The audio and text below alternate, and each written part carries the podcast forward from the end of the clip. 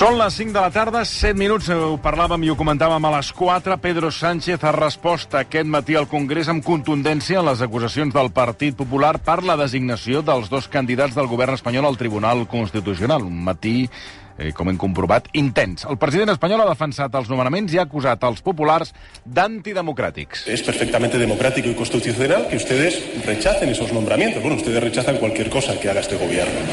También es perfectamente democrático y constitucional defender la idoneidad de esas dos eh, personas para eh, tan altas responsabilidades. Lo que no es democrático y constitucional, señorías, es bloquear la renovación del Consejo General del Poder Judicial, es bloquear la renovación del Tribunal Constitucional y es estar fuera de la Constitución que ustedes llevan cuatro años. Eso no es, señorías, ni democrático ni constitucional. Les designacions de l'exministre Juan Carlos Campo i de l'exalcàrrec de la Moncloa, Laura Díez, ha provocat un gran enrenou i aquesta tarda hem conegut que el president del Tribunal Constitucional s'ha negat a convocar el ple per validar els, nomen els nomenaments. Té els detalls Ernesto Ekaizer. Ernesto, molt bona tarda. Molt bona tarda, Toni. Eh, bueno, què és el que ha passat? Com pot ser que Pedro González Trevijano, president del TC, es negui a convocar el ple de la validació? Bueno, lo que hay es una sedición, no está tipificada en el Código Penal, pero debería estarlo, porque normalmente uno no puede poner una querella contra Trevijano y contra todos los eh, integrantes de lo que yo llamo el sindicato mediático judicial que están bloqueando el Consejo General del Poder Judicial el Tribunal Constitucional, porque eso no es un delito. No es un delito, Tony. Tú puedes eh, bloquear durante cuatro años la renovación del Consejo General del Poder Judicial, es decir, pasarte por el arco de triunfo lo que dice la Constitución y la ley orgánica del Poder Judicial, pero no puedes hacer nada. Entonces, ¿qué ha pasado aquí? El, esta mañana, pues se han reunido los 12 magistrados del Tribunal Constitucional y en la medida en que hay una comunicación del gobierno donde pide que se convoque el pleno de verificación de los eh, candidatos, porque los candidatos no, no hay un decreto ley, nada, es un acuerdo del Consejo de Ministros de ayer, eh, entonces eh, ha pedido que se convoque ese pleno y entonces pues han estado comentando, ha habido una reunión de González Trevijano con su bloque conservador y después de esa reunión pues ha habido otra reunión del bloque progresista y eh, fueron al pleno y se abrió el debate. Tres magistrados se apoyaron en el reglamento, el reglamento de organización del Tribunal Constitucional tiene un punto que es el artículo 4, que dice literalmente el presidente convocará el pleno por propia iniciativa y cuando lo pidan al menos tres magistrados. Punto. Fin de la cita, como diría Mariano Rajoy. Entonces, este reglamento es clarísimo. Entonces, estos tres magistrados uh -huh. simplemente piden que se convoque un pleno a los efectos de eh, responder a lo que pide el gobierno, que es la validación o no, ¿eh? se llama pleno de verificación, de los dos magistrados que ha nombrado en el Tribunal Constitucional en el día de ayer. Entonces, eh, González Treviscano escucha a todos, eso no se vota porque no es, eh, digamos, eh, no, no, están pidiendo un pleno jurisdiccional, es decir, un pleno para decidir sobre una sentencia, sobre un recurso de amparo, no, no, no, es un problema de organización, es un pleno gubernativo, así se dice. Entonces, eh, después de escuchar a todos, el señor Trevijano, que ya tiene la posición acordada con los otros magistrados conservadores, dice que no, que él no va a convocar, que él lo que va a esperar es al 22 de diciembre al Consejo General del Poder Judicial. ¿Qué tiene que ver el Tribunal Constitucional con el Consejo General del Poder Judicial? Realmente es, eh, es, una cosa realmente esotérica, porque ellos no tienen ninguna jurisdicción sobre el Consejo General del Poder Judicial y además eh, le digo que el día mmm, 22 es que hay un pleno ordinario en el calendario del Consejo General del Poder Judicial, pero ni siquiera está convocado. Fíjese usted que no siquiera hay un orden del día. ¿Por qué no hay un orden del día? Porque el orden del día de los plenos ordinarios se eh, confecciona el viernes anterior a que se celebre el pleno. El pleno se, suele celebrar los jueves y entonces el viernes anterior se confecciona. Entonces, es una quimera lo que dice Trevijano. Lo que está haciendo es ganando tiempo. Él no tiene ninguna eh, seguridad de ningún tipo de que va a haber nombramientos habida cuenta que ni siquiera está en el orden del día los nombramientos. Entonces, lo que está pasando aquí es una subversión, es una sedición. La sedición es un delito que está tipificado, que ya estaba tipificado, ahora se ha eliminado, pero cuyo objetivo es, digamos, impedir por vías no legales el cumplimiento de la ley. Aquí el cumplimiento de la ley es nombrar a los magistrados del Tribunal Constitucional. El 13 de septiembre, cuatro mandatos caducados debían haber sido sustituidos los magistrados. El Tribunal Constitucional eh, digamos, tiene las características, según la Constitución, de que dos miembros, en este caso caducados, entre ellos el presidente, el señor González Trevijano, eh, y eh, el señor Narváez, estos debían ser sustituidos por el gobierno. El gobierno intentó esperar al Consejo General del Poder Judicial, pero cuando vio que el Consejo General del Poder Judicial ya, ya da muestras claramente, no de que se retrasa, sino que no quiere nombrar, porque quiere bloquear el constitucional, eh, entonces pues el gobierno ha nombrado, se ha cargado de razón. En mi opinión se ha equivocado en la elección y todo lo que ha ganado eh, cargándose de razón para no dejarse arrastrar en el cumplimiento de la Constitución, es decir, nombrando, se ha equivocado en el nombramiento de Juan Carlos Campo y de eh, Laura Díez. Se ha equivocado, en mi opinión, clarísimamente, porque estos eh, digamos, eh, en primer lugar va contra el propio gobierno. ¿Por qué va contra el propio gobierno? Porque eh, Juan Carlos Campos ha sido ministro de Justicia y ha participado en la elaboración en Consejo de Ministros de muchas leyes. Y no solo eso, además era diputado y por lo tanto ha votado en el Parlamento por esas leyes. Y Laura Díez viene del Ministerio de la Presidencia, de Coordinación, de coordinación Jurídica y responsable de Constitucional. Va a tener también, probablemente en menor medida que Juan Carlos Campos, de abstenerse. Le doy un ejemplo. Juan Carlos Campos es la pareja de Merichel Batet. Esto no le vincula al gobierno, pero es la pareja de Merichel Batet. Y en este momento en el Tribunal Constitucional hay una medida de cautelar y un recurso de amparo eh, contra la expulsión, contra la privación del escaño de Alberto Rodríguez, diputado de Unidas Podemos, que fue expulsado por Merichel Batet en base a una, eh, unos contactos con Marchena que nunca se han aclarado del todo eh, y que han derivado en una medida de carácter antidemocrático. Él estaba condenado a una multa y se le expulsó por toda la legislatura en octubre pasado. Y ya hace un año. Entonces, de ese punto de vista, ahora hay un recurso de amparo y una medida cautelar para que le restituyan el escaño. El fiscal del Tribunal Constitucional, el fiscal jefe, ha dicho que se le tiene que restituir el escaño. Esto lo tienen en un cajón no quieren sacarlo porque el Tribunal Constitucional no funciona en, los temas gordos y entonces el señor el señor eh, Juan Carlos Campos va a tener que abstenerse. Entonces, eh, ¿qué importancia tienen las abstenciones? Tienen la importancia de que debilitan a la mayoría progresista, porque con los cuatro candidatos eh, tres van a ser progresistas, teóricamente, uno va a ser conservador. Entonces ahí hay una mayoría, cambia la mayoría en el Tribunal Constitucional. Y si tú te tienes que estar absteniendo en tal o cual ley, eh, donde hay un recurso del PP o de Vox, porque lo han recurrido todo... Pues perds, l'avantatge que tenías. Claro, pierde, La, pierde la mayoría. Puedes perder la mayoría en muchas ocasiones. Ya, pero, pero a, banda de...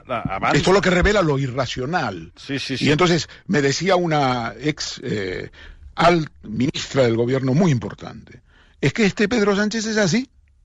Le conozco como si lo hubiera parido, me ha dicho esta mañana. Dice, ha, digamos, ha reaccionado con, eh, digamos, con, eh, hmm. con rabia le han, digamos, le han boicoteado el acuerdo del Consejo General del Poder Judicial, le han, eh, de alguna manera, le han colocado en una situación extrema y entonces ha reaccionado eh, no con la cabeza fría, sino eh, diciendo yo hago lo que me da la gana. Y eso es un error.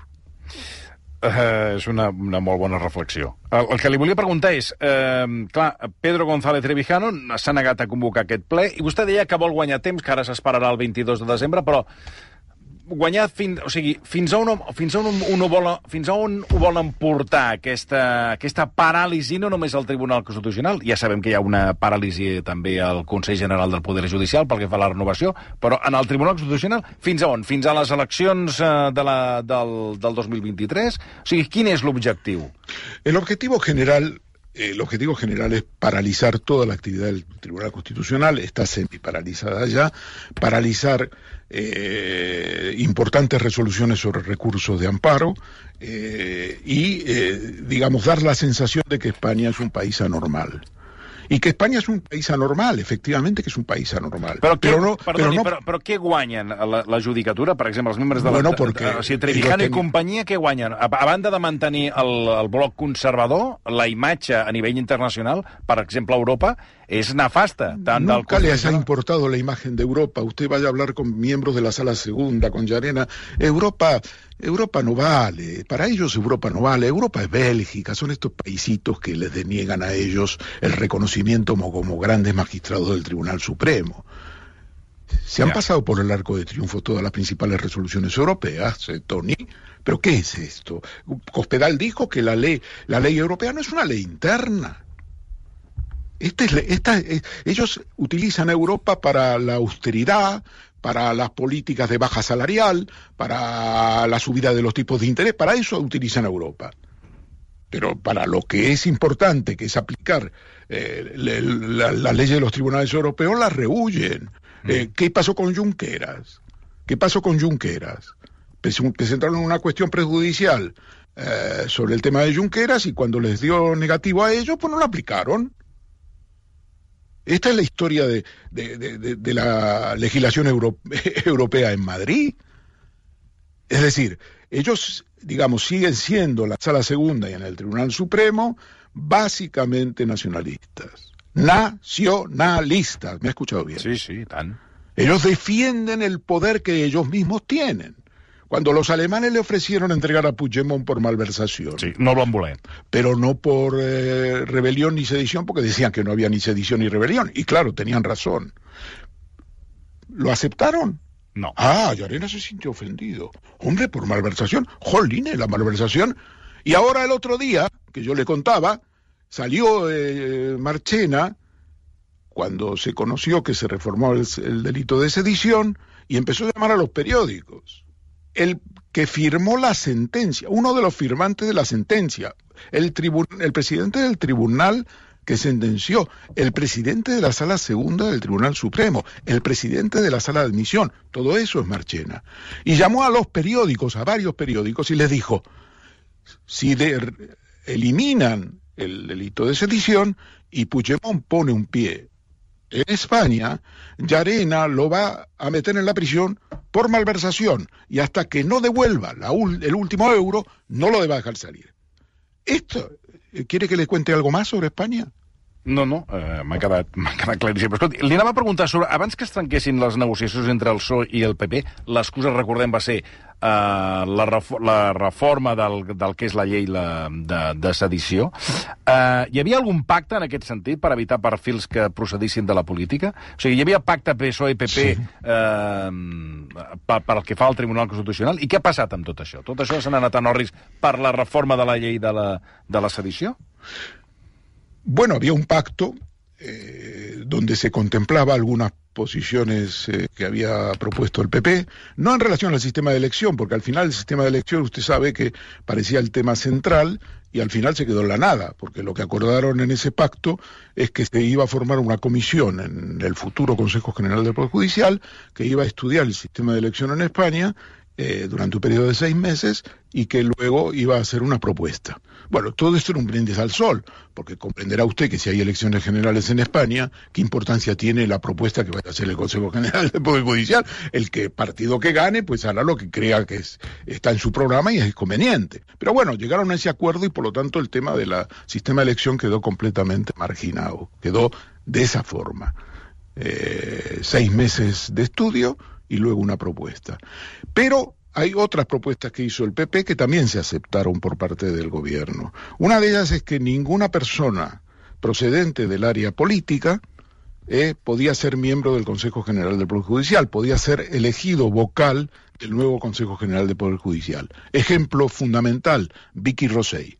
La juez Vicky Rosell es directora General de, contra la Violencia de Género, en este momento actúa dentro del gobierno y se le había propuesto, porque es una persona capacitada, que tiene todos los elementos de idoneidad que se pueden pedir, experiencia, y entonces dijeron no, Vicky Rosell no, porque forma parte del gobierno. Entonces dijeron, vamos a hacer un acuerdo por eh, el cual ninguno que proceda al gobierno pueda eh, optar al, a vocal del Consejo General del Poder Judicial.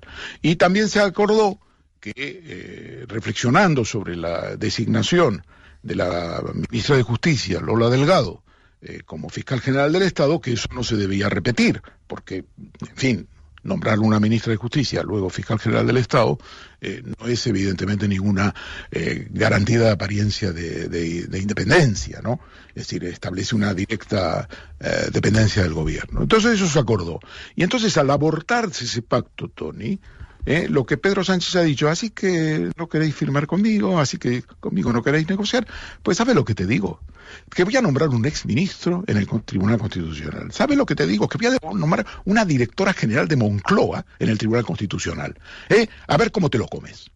Claro, el problema es que uno puede entender que eh, Pedro Sánchez se haya hartado, pero que no puede, no puede aceptar, y yo no lo acepto, por eso digo que él se cargó de razón al hacer los nombramientos, pero perdió toda la razón al elegir a estas dos personas. Però el, el president del Tribunal Constitucional, ell està amb l'obligació de... Dir... Le leí el artículo, yo creo que lo suficientemente claro. Sí, sí, el artículo dir... 4, reglamento de organización. El presidente convocará el pleno por propia iniciativa y cuando lo pida, al menos tres magistrados. Lo han pedido tres magistrados. Y no es pot fer cap acció contra el president del tribunal, contra el señor tribunal. Bueno, vamos a ver cómo evoluciona la situación de hoy, eh, de esta mañana. És una que... batalla de jutges contra jutges en el sí, en el que és el Tribunal Constitucional, perquè clar... Claro, està, però aquí fundamentalmente González Trevijano... Està fent coses il·legals, González Trevijano, però clar, ho fa el president del Tribunal Constitucional. Claro, sí, sí, eso es lo que está pasando. Sí. Pero ¿qué sentido tiene? Si el gobierno ha nombrado a dos magistrados, sí, sí. Tienes que hacer el pleno de validación. ¿No los quieres? Pues que voten en el pleno. ¿Sabe cómo se vota? Es muy sencillo, ¿eh? se vota por mayoría y es secreta. Tienes una papeleta, 12 papeletas, y tú, cada magistrado tiene una papeleta y pone una, mm. una, eh, una, un sí, un no. Y el que tiene mayoría sale elegido. Y el que eh, no sale mayoría no sale elegido. Entonces, que hagan eso, porque no hacen eso. Tan difícil es elegir dos magistrados. Fíjese que usted, que realmente tan difícil es elegir dos magistrados y esas sentencias absolutamente laberínticas, que no las entiende ni Dios, en las cuales se pasan... Pero fíjese, desde el 2010 está el recurso de inconstitucionalidad del PP contra la ley de aborto. Ya hay una nueva ley de aborto. Ya hay modificaciones y no han sido capaces de sentarse en el Pleno y sacarla adelante. Y luego tienen dificultades para nombrar a dos magistrados en el tribunal. Es que es surrealista, Tony. Es peor que surrealista. Es un delito. Digui'm qui són el sindicat judicial mediàtic. El sindicato judicial... Usted sabe, eh, yo creo que usted lo recuerda, hubo un sindicato del crimen aquí. No, no aquí, no en Chicago, eh, aquí. El Sindicato del Crimen en el 95-96 fue la coordinación de los medios de comunicación, eh, eh, bajo la batuta de Luis María Anzón, de Pedro J. Ramírez, y ellos se reunían y crearon un sindicato. Y crearon un sindicato, por eso se llama sindicato. Y se llamaba Asociación Independiente, no recuerdo exactamente los nombres. Y entonces crearon un sindicato y se reúnan en el despacho de Anzón cuando Luis María Anzón eh, era todavía director del ABC. Y entonces, esto se sabía, esto funcionaba como un sindicato, coordinaban la información y tal, y había mucha información, estaba el GAL, ¿eh? no es que operaban en el aire, estaban los casos de corrupción, pero todo eso lo fueron amplificando para crear la dinámica en las elecciones primero del 93 y ya luego en el 96 cuando Aznar ganó eh, en fin, por 240 mil votos, pero gracias a una, digamos, un, un momentum mediático espectacular. Entonces, eh, ese sindicato del crimen funcionó y ahora eh, la nueva piel del sindicato del crimen es una piel eh, de sindicato mediático y judicial. Digo judicial porque hay miembros del sindicato, de ese sindicato que están en el Supremo, en la Sala Segunda del Supremo y en otras instituciones judiciales. Y funciona como un elemento intoxicador. Por ejemplo, ahora sobre la reunión de esta mañana han creado una intoxicación, han intoxicado a la agencia Europa Press, por ejemplo, eh, lo que le digo ya lo he puesto en Twitter, eh, y han dicho que esta mañana hubo una votación y que el sector progresista perdió eh, porque tres magistrados son los que pidieron eso y no se lo dieron. Es que no hubo ninguna votación. Si aquí no se votaba nada, aquí tres invocaron el reglamento para pedirle al presidente que convoque. El presidente dijo que no. Eso es lo que ha habido. Y entonces en los medios de comunicación nos venden. Y todo eso es el, el, sindicato mediático judicial donde los periodistas con los jueces se acuestan en la misma cama y te venden la película y te venden la milonga. Y entonces, bueno, pues hay incautos, incluso periódicos de tirada nacional, que no se enteran, que no se enteran. No se enteran o no els hi convé assabentar-se? Que no lo sé, mire, no, ya, ya Perquè, clar, he, he renunciado a interpretar, a ser psicoanalista de los periódicos. he renunciado, porque realmente, eh, en fin, pero eh, lo que si concreto no vero, de esta si mañana... No vero, si no vero ben trovato. Sí, pero si esta mañana, eh, le digo, hubo una discusión, se interrumpió la discusión. Mire, le cuento lo que fue esta mañana. Llegó el señor González Trevijano y vino desayunado hoy con el boletín oficial del Estado. En el boletín oficial del Estado todo es transparente. Se han nombrado dos magistrados y se pide que se convoque el Pleno para verificar. ¿Hay una cosa más simple que esa? Si el gobierno nombra, querrá que le verifiquen, que le diga que sí o que le digan que no. Entonces, el señor González Trevijano se reúne con Siol. Y Siol, que es el vicepresidente, y que teóricamente, porque aquí teóricamente todos, todos tienen disfraces, eh, disfraces de carnaval. El señor Siol previamente ha consultado como progresistas y le dice, hombre, eh, me parece, Pedro, que, que, que, el sector progresista cree que hay que cumplir con lo que pide el gobierno. Si el gobierno pide un pleno, va, dice, bueno, bueno, interrumpen el pleno de esta mañana, que era un pleno de otras cuestiones, no importantes, pero de otras cuestiones, y Trevijano con quién se reúne. Con los magistrados que son del grupo conservador. Es como un partido político, ¿lo ve? Se reúne con el conservador, se retoma el pleno eh, Trevijano escucha a, los, a las partes. Luego interrumpen, hacen nuevas reuniones, vuelven y González Trevijano dice, bueno, yo he escuchado a todos y no voy a convocar el Pleno. Yo creo que lo que pasa es que tenemos que esperar hasta el día 22. ¿Pero qué día 22? Si el 22 no hay un Pleno extraordinario, si nadie ha dicho que en el orden del día estén los nombramientos, ¿se lo ha inventado? No, I a més, tal com ho explica, està clar que ell eh, ha anat encara la, la, la resolució fi, finalment, amb, eh, amb el pes que li dona la, aquesta, ara mateix aquest posicionament conservador del Tribunal Constitucional per eh, prendre la decisió de no convocar el ple. Es amb, claro. la, amb la força de la y, mayoría del Tribunal Constitucional. Bueno, y como esto es calidoscópico, hay que estar en distintos frentes al mismo tiempo, hoy a, la, a las 12 estaba prevista la reunión entre el negociador del sector progresista, Álvaro Cuesta, miembro del Consejo Permanente del Consejo General del Poder Judicial, y José Antonio Ballestero, otro de los miembros de la Comisión Permanente, que negocian entre el sector progresista y el sector conservador qué van a hacer. Hace semanas y semanas que el sector progresista ha puesto un nombre sobre la mesa. Primero ha puesto varios y luego ha puesto uno. Se ha puesto de acuerdo y ha puesto uno. Es el magistrado de la Sala Tercera, sección sexta, ¿eh? Eh, José Manuel Vandrés, un magistrado muy conocido.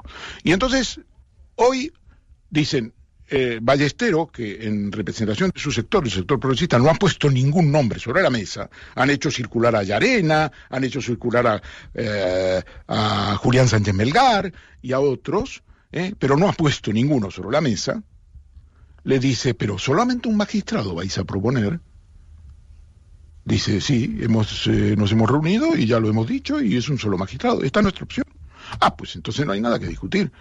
La reunión duró cinco minutos y simplemente Ballestero anunció que la noche de hoy, a las 21 horas, tendrá lugar una reunión del Grupo Conservador para decidir qué es lo que hacen. ¿Usted se lo cree? No, no, el que, eh, sí que m'ho crec, però em sembla increïble. Això és el que, això és el que em sembla. Que... Y después se quejan de que, hombre, que la justicia está desprestigiada, que, hombre, que los ciudadanos, hay que unir el Tribunal Constitucional con los ciudadanos. Pero ¿y cómo? Tienes una sentencia, tienes una medida cautelar de que te han pedido de restitución del escaño del señor Alberto Rodríguez, eh, que le han expulsado en octubre pasado la señora Michelle Batet, eh, por toda la legislatura, cuando le han puesto una multa, una pena de prisión que no es pena de prisión y que se transformó en multa, y le han expulsado por toda la legislatura. Y eso no lo resuelven. Eso no lo van a resolver. ¿Cuándo lo van a resolver? Cuando termine la legislatura. Es que es un escándalo. Yo se lo dije a, la, una de a la magistrada ponente, la señora María Luisa Balaguer, pero eh, le digo, tú me dices que quieres restituir eh, la relación con la sociedad, que la sociedad tiene que comprender, pero si tú dejas pasar la legislatura y no has resuelto este recurso de amparo y sobre todo la medida cautelar, que es una medida urgente, ¿cómo vas a restañar las relaciones con los ciudadanos? No te van a creer nunca. Eh, este es el nivel. Así están las cosas. No, ahora, ahora vamos a ver, vamos a ver qué pasa, porque es una guerra, esto es una guerra, es una guerra y, y, y digamos, aquí hay sediciosos de verdad hay sediciosos, es decir, eh, el, eh, eh, los, eh, cuando los, el periódico ABC o el periódico Confidencial eh, habla eh, sobre Trevijano, Trevijano le empieza a temblar las piernas, es una marioneta, es una marioneta, lo crujen si llega a convocar el Pleno. Fíjese, por convocar un Pleno para discutir la validación. Si ahí puede salir sí o puede salir no. Lo crujen. Y luego está ese otro personaje, gran personaje que usted tiene que entrevistar y que seguro que si usted le llama, porque él es una persona que da siempre la cara, el señor eh, José María Macías, que es socio del importante bufete Cuatro Casas, es un personaje colosal, y este es el ideólogo de todos. Este es el que quiere meter a Llarena en el Tribunal Constitucional, eh, como mal menor, si finalmente hay que nombrar a alguien, pues tiene que nombrar a él, porque él es muy amigo del matrimonio eh, Pablo Llarena y Gema Espinosa. Y entonces, eh, este hombre, que era íntimo de Lesme, rompió con Lesme porque Lesme se empezó a presionar para que hicieran los nombramientos en el Constitucional, y eso él no lo puede aceptar. Y Macías, a ver qué nos cuenta esta noche, qué les cuenta a sus con, con militones allí eh, esta noche. Este es el gran personaje, José María Macías, de Quatre Casas. Ernesto i Kaiser, moltíssimes, moltíssimes gràcies per acompanyar-nos. Com sempre, un plaer. A vosaltres. Ha estat un plaer. Adeu. Gràcies, Ernesto i Kaiser. Versió RAC 1.